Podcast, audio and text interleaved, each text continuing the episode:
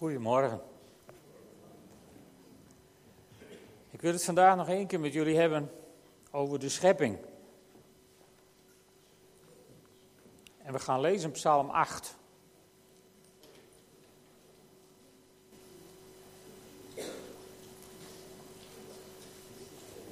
Psalm 8.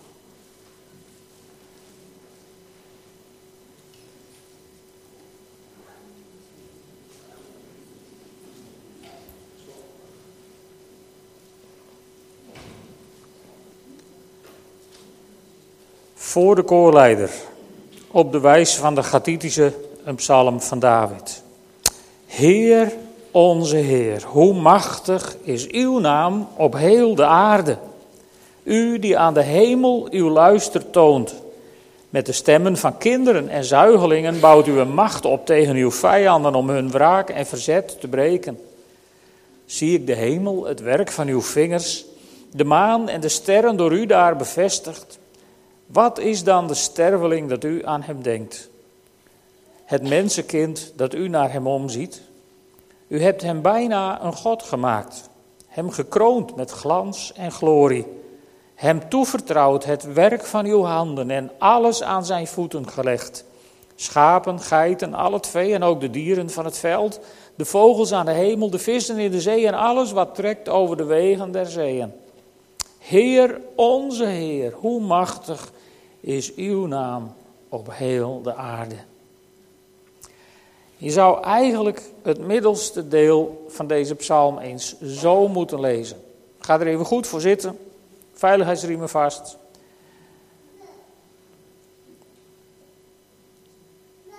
En ik begin bij vers 3. Of 4, hangt van uw Bijbelvertaling af. Zie ik de hemel, het werk van uw vingers, de maan en de sterren door u daar bevestigd. Wie ben ik dan dat u aan mij denkt en naar mij omziet? U hebt mij bijna een God gemaakt, mij gekroond met glans en glorie, mij toevertrouwd het werk van uw handen en alles aan mijn voeten gelegd. Begint dat een beetje door te dringen? Wat daar eigenlijk staat. Het leest wat afstandelijk, zoals de psalmdichter het zegt. Hè? Als het over de mens gaat en over hem, dan kun je natuurlijk, nou ja, het gaat over die en over die en over die. Maar het gaat over jou en mij. Tenminste, als je mens bent en een andere soort heb ik hier nog niet binnen zien komen. Dus het, het, gaat, het gaat over jou. Wat in deze psalm staat, is, is dat wel eens heel diep tot je doorgedringen? Gedrongen dat God tegen jou zegt: Ik heb jou bijna een God gemaakt. En ik heb jou bekroond met glans en glorie. Ik heb alles wat ik gemaakt heb aan jou toevertrouwd. Komt dat een beetje binnen? Maar het is belangrijk dat we dat gaan begrijpen. Het is belangrijk dat we gaan snappen hoe God ons heeft gemaakt. Want wij hebben het graag over ja, we zijn, we zijn, we zijn, nou ja, op zijn best verloste zondaars. En, en daar is geen woord aan gelogen, dat zijn we. Maar, maar dat is niet alles. Weet je, God heeft alles wat Hij maakte aan ons toevertrouwd, niet tijdelijk, maar voor eeuwig. En het gaat in de Bijbel ook niet alleen maar over dat we in zonde gevallen zijn en daaruit verlost zijn. Dat is wel de belangrijkste kern van de Bijbel. En volgende maand, als we paasfeest gaan vieren, zullen we daar ook uitgebreid bij stilstaan. Maar, maar vorige week heb je op de sheet van Gerlof het even gezien. Eh, bij de New Wine Conferentie in Engeland kwam dat ook aan bod. En ik was er ook mee bezig, dus ik denk dat wel heel toevallig. Maar verlossing, of zondeval en verlossing worden in de Bijbel omlijst door twee andere woorden. Aan het begin en aan het eind. Namelijk schepping en herschepping. En daartussen zit wel de zonde en de verlossing. Maar het einddoel van de mens is niet verlost te zijn en straks dat je je laatste adem hebt uitgeblazen, hup naar de hemel en harp spelen op een wolkje. Er zit meer in. De Bijbel begint in Genesis 1, vers 1. In het begin schiep God de hemel en de aarde. En dan komt er een heel lang verhaal, al die boeken en al die versen. En dan in Openbaringen 21, vers 1, daar staat: Ik zag een nieuwe hemel en een nieuwe aarde. Want de eerste hemel en de eerste aarde zijn voorbij en de zee is er niet meer. Dus die schepping is een heel belangrijk, fundamenteel deel van ons bestaan. Als beelddrager van God, bijna God gemaakt, zegt Psalm 8, worden wij dus geacht op een goddelijke manier met de schepping om te gaan. En dat vermogen hebben we verloren bij de zondeval. Dat is duidelijk. Maar Jezus is dat komen herstellen. Dat is ook duidelijk voor degene die gelooft. En zo zal straks de in ere herstelde mens goddelijk omgaan met de verloste schepping.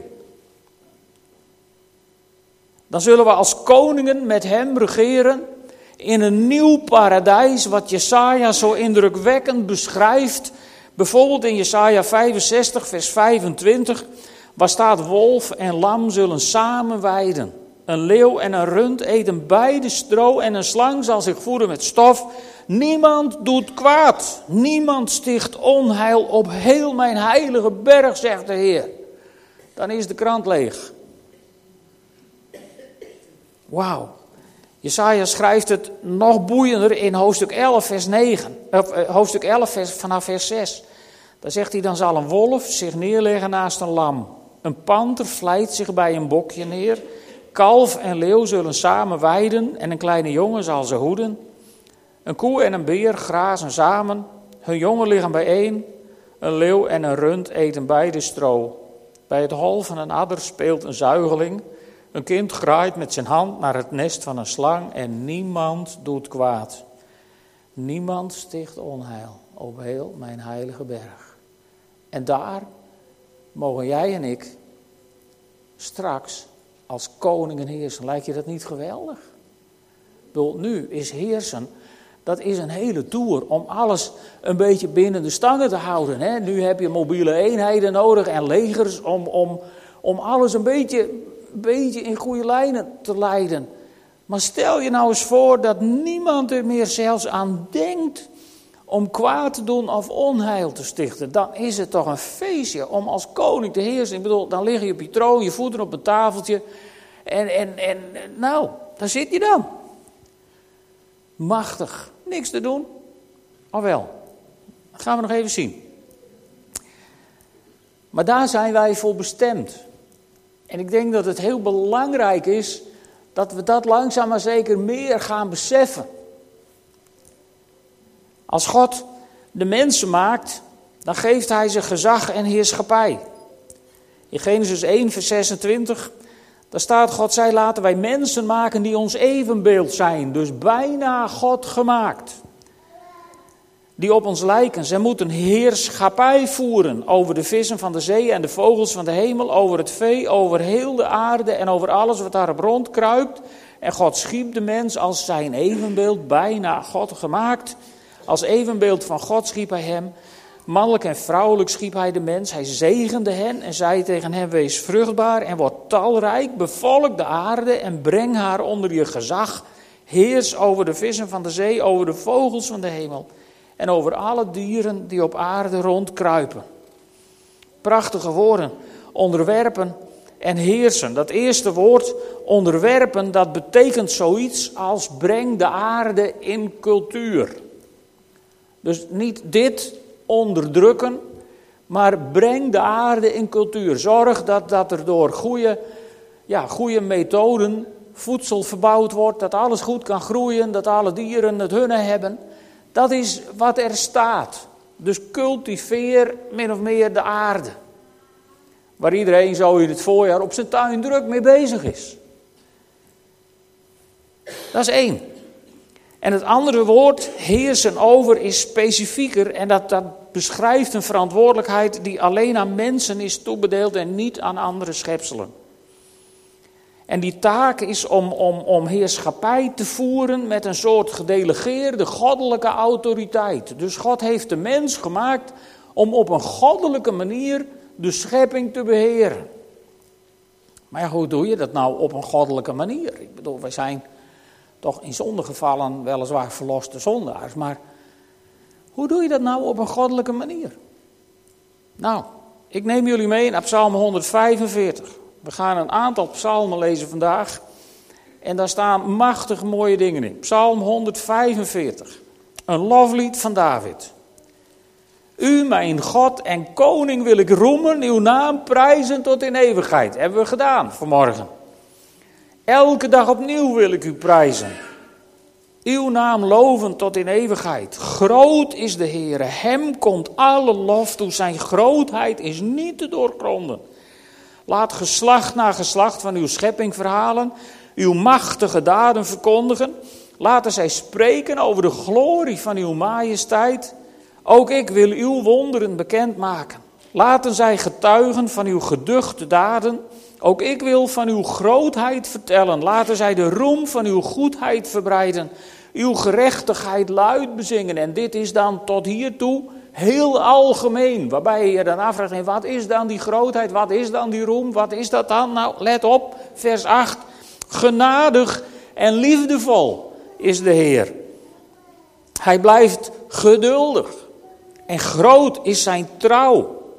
Goed is de Heer voor alles en allen.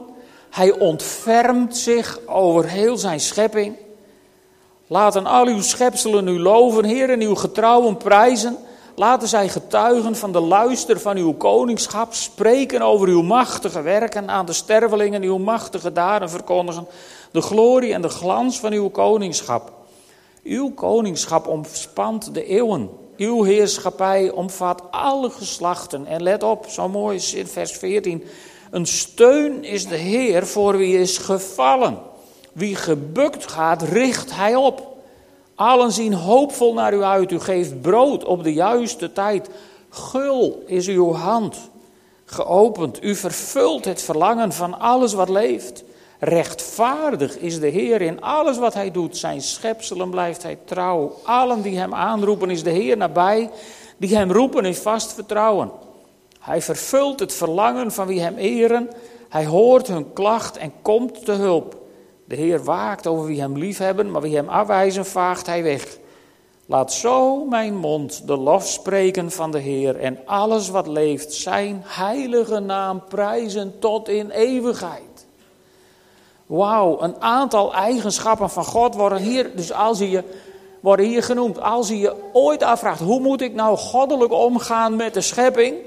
Nou, dan is de bedoeling dat je genadig bent, dat je liefdevol bent, geduldig, trouw, goed. Dat je ontferming kent voor mensen, dat je steunt wie is gevallen, dat je opricht wie gebukt gaan, dat je gul je hand opent om, om mensen te voorzien van de dingen die ze, die ze ontberen. En dat je rechtvaardig bent. Tel die dingen voor aardigheid eens bij elkaar op en vergelijk ze dan eens met de vrucht van de geest in Galaten 5, vers 22. Daar heb je ze allemaal. En dit wordt hier gezegd over God. Zo is God. En als het de bedoeling is dat wij goddelijk heersen, goddelijk omgaan met de schepping, dan is het de bedoeling dat dit onze karaktertrekken zijn. Dat we het zo doen en niet anders.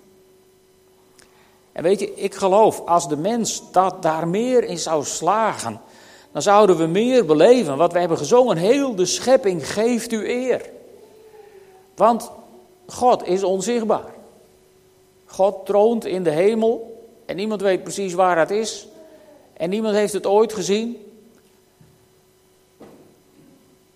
Dus daar, ja, daar heb je niet, niet veel aanleiding om God te loven en te prijzen. Maar als je ziet hoe de schepping eruit ziet, het werk van zijn handen, dat kun je zien alle dagen.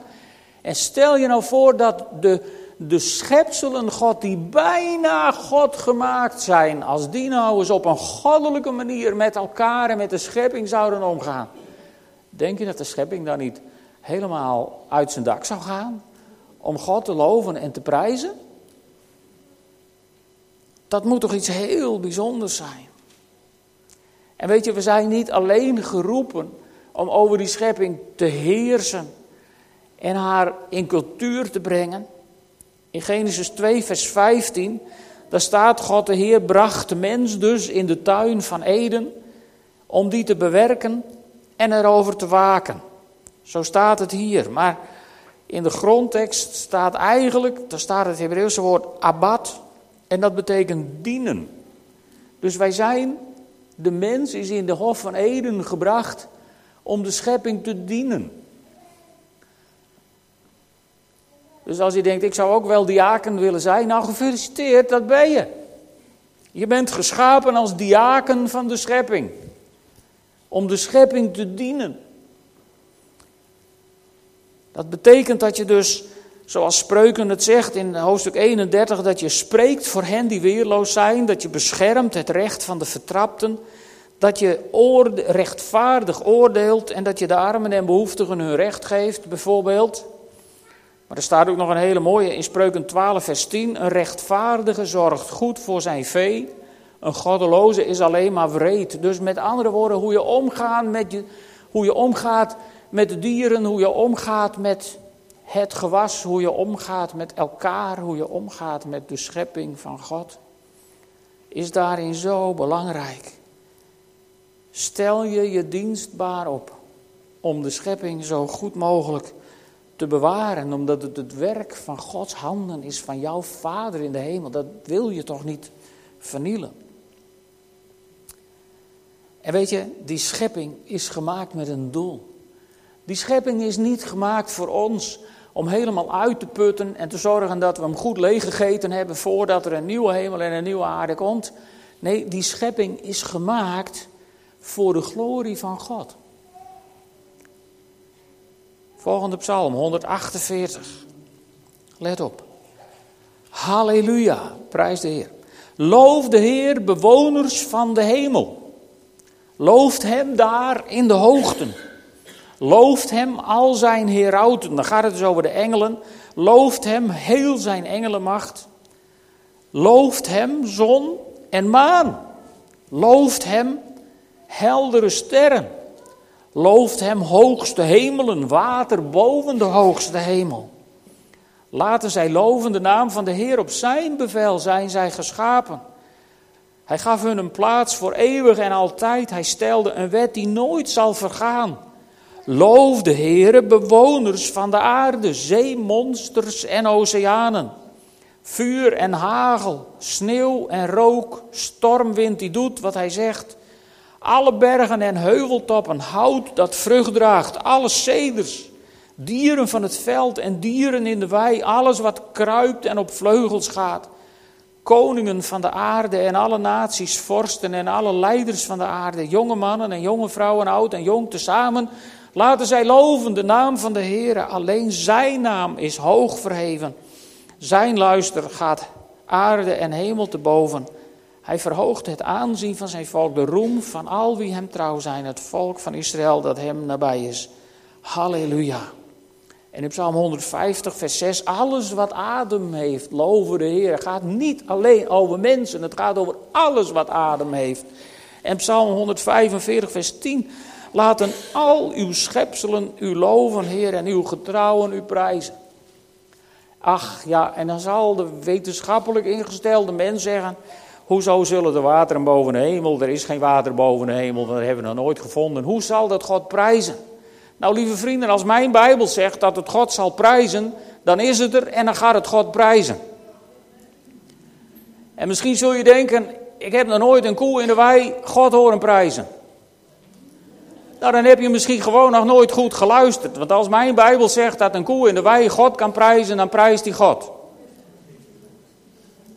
En misschien denk ik, ik heb nog nooit een boom God horen prijzen. Dan heb je nog nooit met een beetje stormachtige dag in het bos gewandeld. Je moet eens goed luisteren. Als je in het bos wandelt onder de bomen, naar het geruis van de bomen. En als je op een van de Waddeneilanden komt, dan moet je eens goed luisteren. Dan is er geen hoekje van het eiland waar je de zee niet hoort. God prijzen. Misschien denk je, nee hoor, dat is gewoon het gebulder van de golven. Ja, nou, zo mag je erover denken. Maar mijn Bijbel zegt dat de zee God prijst. En dan prijst de zee God. En dat wij er niet op zijn ingericht om dat te horen. Dat wil niet zeggen dat de rest van de schepping die wij niet verstaan, God niet prijst. Want dan zou God het niet zeggen. Dus je kunt er heel kritisch naar kijken.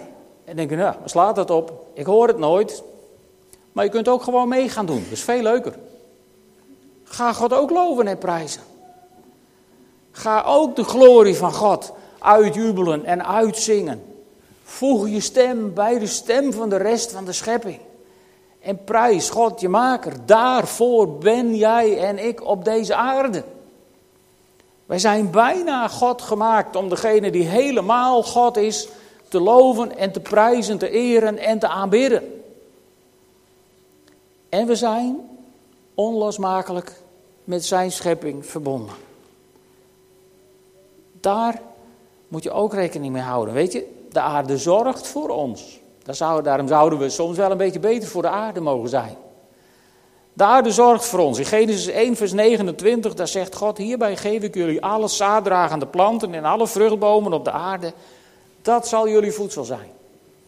En voordat je vegetariër wordt, in Genesis 9, vers 3 zegt God tegen Noach: Alles wat leeft en beweegt zal jullie tot voedsel dienen. Dit alles geef ik je, zoals ik je ook de planten heb gegeven.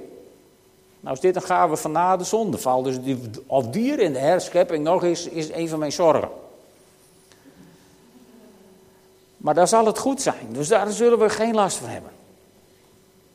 De aarde zorgt voor ons. En de aarde leidt ook met ons mee. Daarvoor hoef je niet alleen naar de natuur te kijken, je kunt ook kijken in de Bijbel.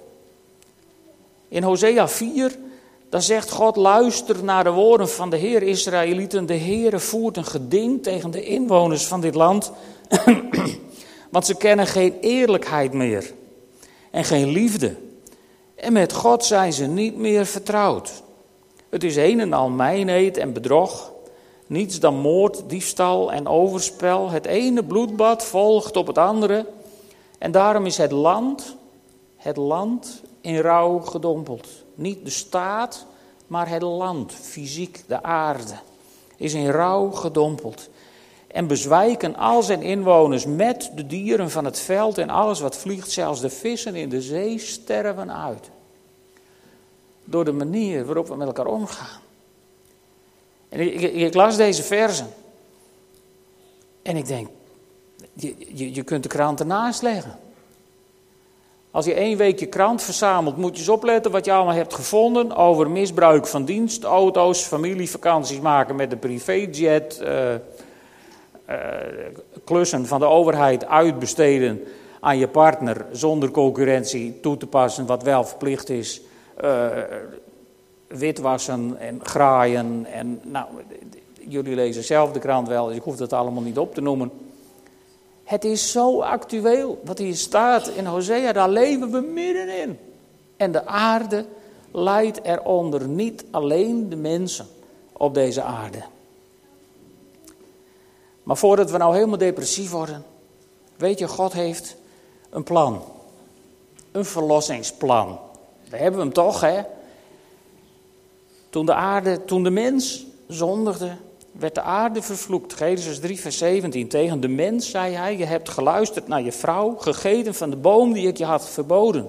Vervloekt is de akker om wat jij hebt gedaan. Zwoegen zul je om ervan te eten, je hele leven lang. Hier denk ik elke keer aan als ik op mijn volkstuin het onkruid weer zo hoog zie staan. Ik nou Aram, je wordt bedankt. Want weet je, de aarde werd dus vervloekt. Niet, niet omdat de man naar zijn vrouw luisterde, hè, voordat jullie daar nou vanavond of vanmiddag allemaal dikke discussies over krijgen. Daar ging het niet om. Het ging erom dat ze ingingen tegen, het, tegen de wet van God, tegen wat God hun had verboden. Alleen daar liet God het niet bij. Er kwam weliswaar een vloek over de aarde. En, en de mens werd zondiger en zondiger en zondiger en zondiger. Zo ver dat het God verdroot dat hij de mens had gemaakt, of de aarde had geschapen. Dan moet het wel heel tragisch zijn geweest. Dus God besluit tot een nieuw begin. En er komt een zondvloed. Iedereen en alles verdrinkt. En God begint opnieuw met Noach en de zijnen. En weet je, dan denkt God van nou, dit, dit was toch ook wel wat te bot. Zo moet het ook niet. En dan zegt God tegen Noach en zijn zonen: Hierbij sluit ik een verbond met jullie en met je nakomelingen. En met alle levende wezens die bij jullie zijn. Dus als wij de regenboog zien, is Gods verbond met ons, dat, dat is zo. Maar ook met alle levende wezens die bij hun waren. Vogels, vee en wilde dieren, met alles wat uit de ark is gekomen. Alle dieren op het veld. Deze belofte doe ik jullie nooit weer, zal alles wat leeft door het water van een vloed worden uitgeroeid. Nooit weer zal er een zondvloed komen om de aarde te vernietigen. En dit, zei God, zal voor alle komende generaties het teken zijn van het verbond tussen mij en jullie en alle levende wezens bij jullie. Ik plaats mijn boog in de wolken en die zal het teken zijn van het verbond tussen mij en de aarde.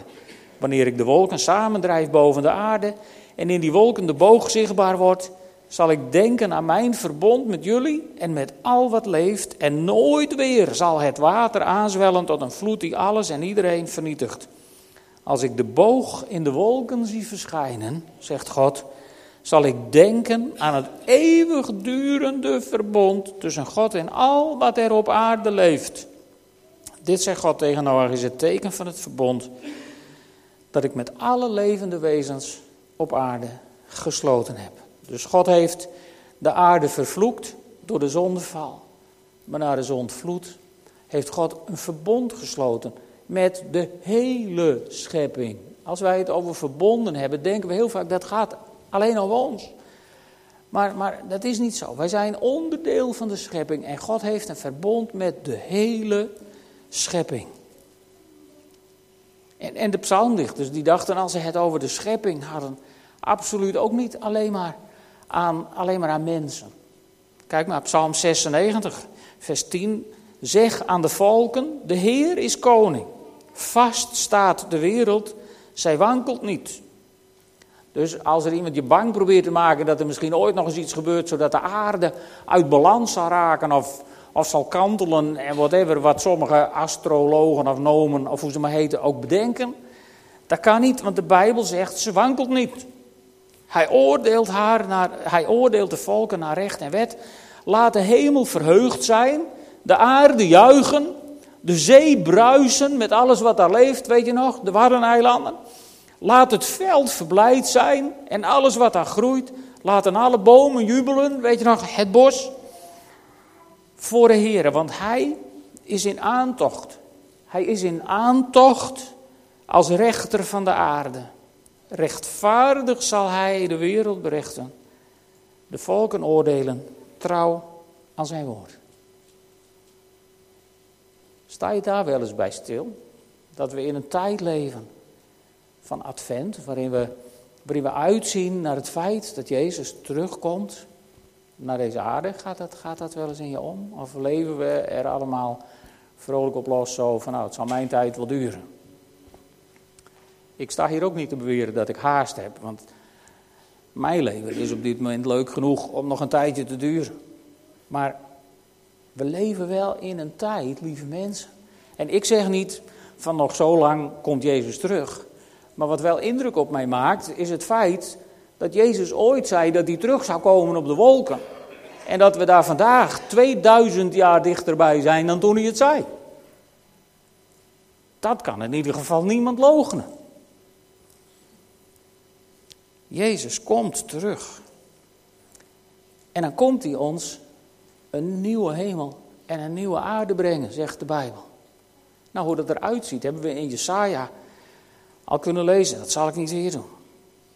En weet je, daarin Christus speelt zo'n centrale rol in dat plan van God. Christus speelt niet alleen de rol in de verlossing van onze zonde. Daar is Hij het absoluut centrale middelpunt. Begrijp me goed, ik doe daar niks af. Het kruis is het absolute centrum in het hart van de Bijbel. Maar de Bijbel zegt ook, in den beginnen was het woord en het woord was bij God. En alles wat geschapen is, is geschapen door het woord. Met andere woorden, Christus was er bij de schepping in Genesis 1. En hij zal er zijn bij de herschepping in openbaring 21. Dus alles draait om Christus. Niet alleen de verlossing, nee, alles. Het hele plaatje is in zijn hand. En, en als Maria zwanger is van, van, van, van Jezus, dan wordt het al gezegd in Matthäus 1, vers 21. Dan zegt de engel tegen Jozef: Ze zal een zoon baren, geef hem de naam Jezus, want hij zal zijn volk bevrijden van hun zonden. Dus die verlossing is heel belangrijk. En Paulus die schrijft aan Timotheus in Timotheus 1, vers 15. Deze boodschap is betrouwbaar en verdient onze volledige instemming. Christus Jezus is in de wereld gekomen om zondaars te redden en ik was de eerste, zegt Paulus. Goed, dus dat is helder. Daar is geen twijfel over. Jezus Christus kwam naar deze wereld om ons te verzoenen met God. Maar niet alleen ons. Ook in het Nieuwe Testament wordt de schepping daar telkens bij betrokken. Bijvoorbeeld in Colossensen 1 hebben we een tijdje geleden volgens mij ook gelezen. Colossensen 1 vanaf vers 15 lees ik jullie. Dat gaat over Jezus. Beeld van God, de onzichtbare, is Hij. Maar, maar lieve vrienden, beeld van God, de onzichtbare, ben jij ook. Dus als je nou morgen vroeg voor de spiegel staat, dan moet je jezelf even goed bekijken. En je, nou, zo, zo ziet hij er dus misschien wel ongeveer uit. Want ik ben ook beeld van de onzichtbare. En Jezus ook. En wat was hij? Hij was eerstgeborene van heel de schepping.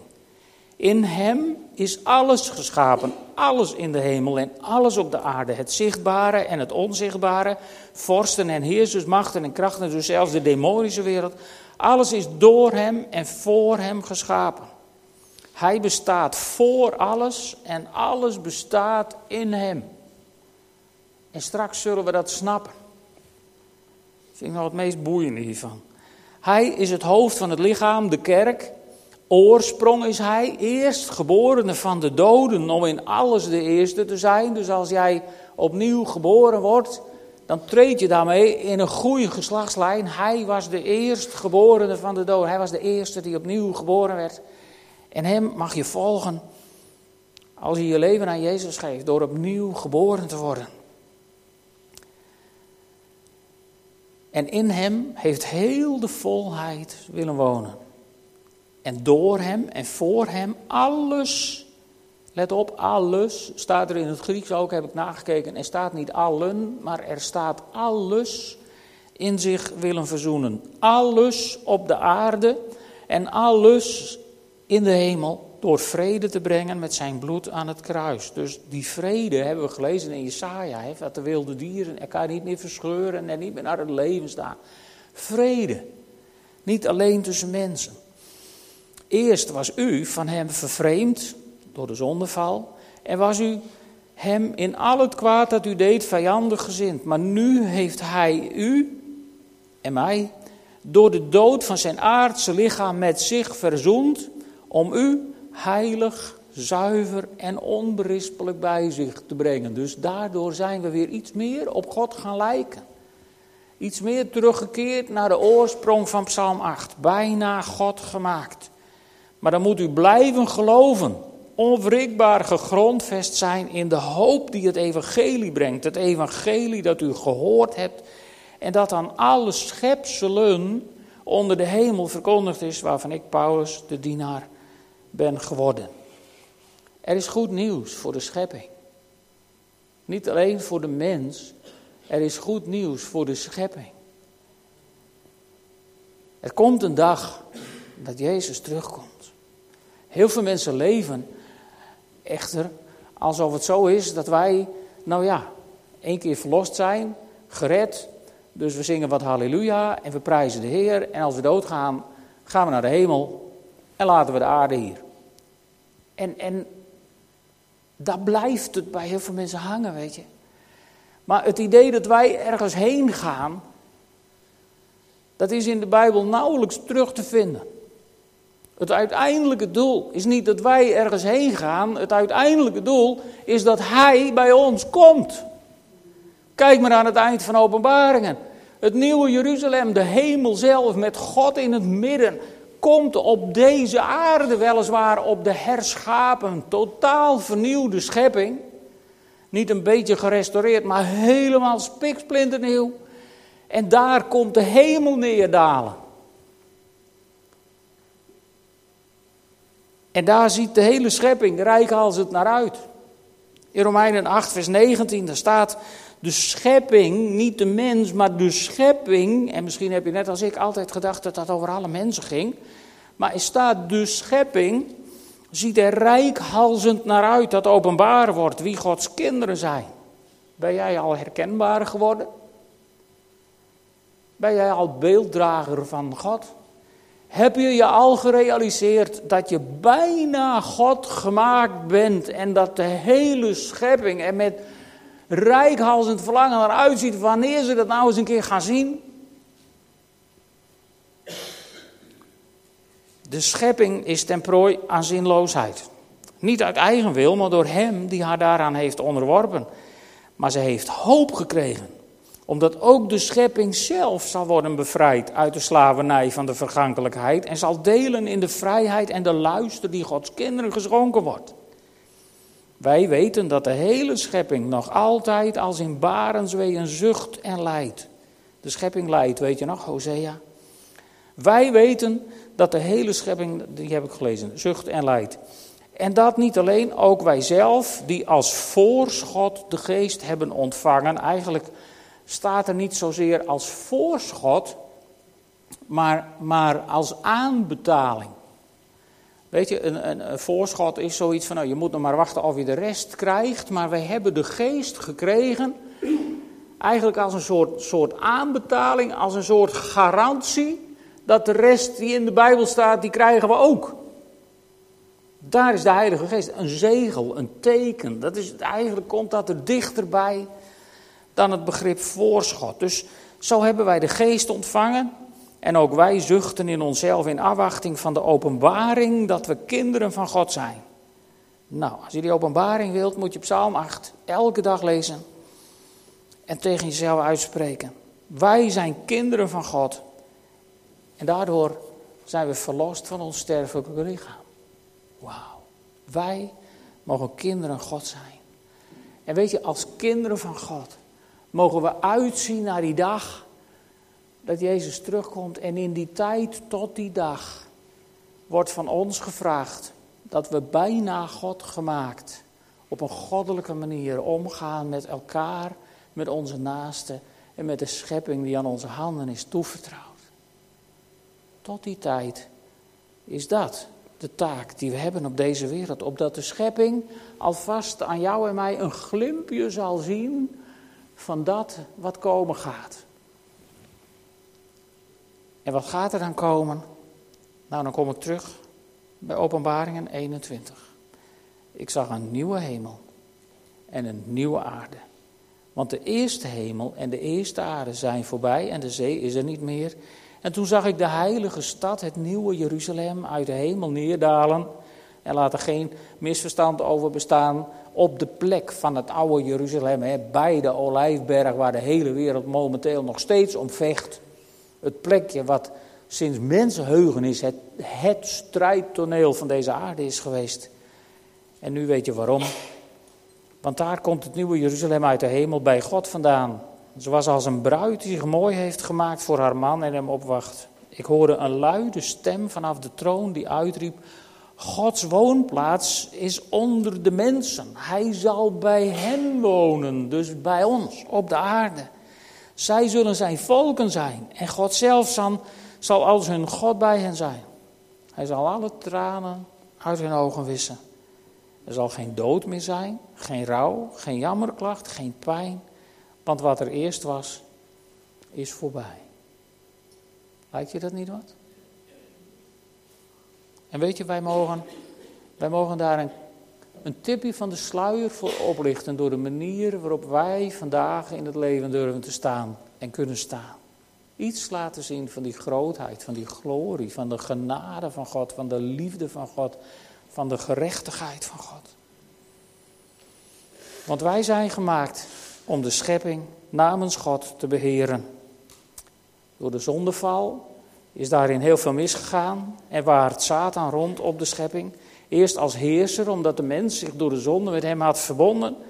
En nu alleen nog als een briesende leeuw, omdat Christus hem heeft ontwapend en openlijk tentoongesteld, zoals Paulus het zegt in Colossense 2, vers 15.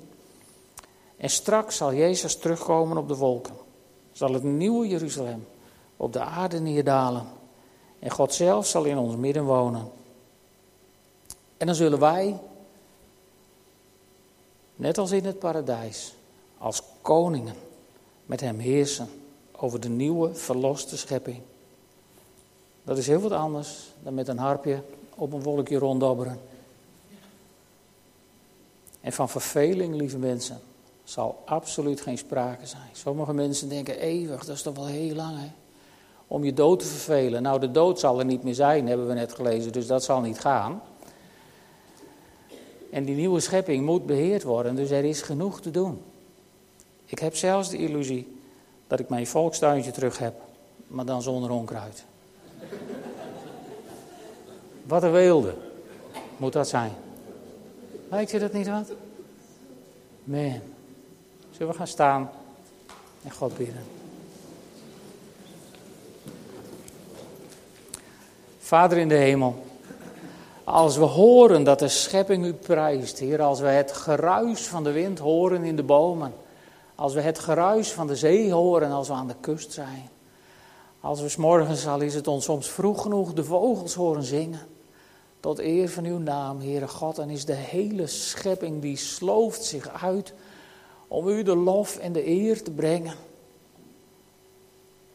En Heer, geef ons door uw Heilige Geest de kracht en het vermogen om onze stemmen daaraan toe te voegen.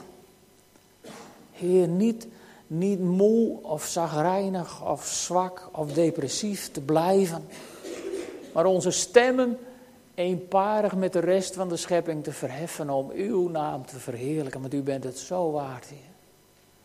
En ik bid u, leid ons door de wijsheid van uw Heilige Geest steeds verder naar naar het voldragen van die vrucht van uw geest in onze levens. Hier, zodat we in deze schepping mogen staan, bijna God, aan u onderworpen en aan niemand anders. Beelddragers van u. Bronnen van genade, van vreugde, van blijdschap, van troost. Heere, leid ons zo. Dat we meer en meer u mogen laten zien in deze schepping om de hoop te brengen aan de hopelozen. Om hulp te brengen aan de hulpelozen. En om een geweldig uitzicht te brengen aan de uitzichtslozen. Heere God, helpt u ons daarin. Zoals we hier voor u staan, willen wij er voor u zijn, Heer. Omdat u er altijd bent voor ons. Halleluja. Amen. Dan gaan we afsluiten met een geweldig lied. Blessed Assurance. Misschien heb je gedacht,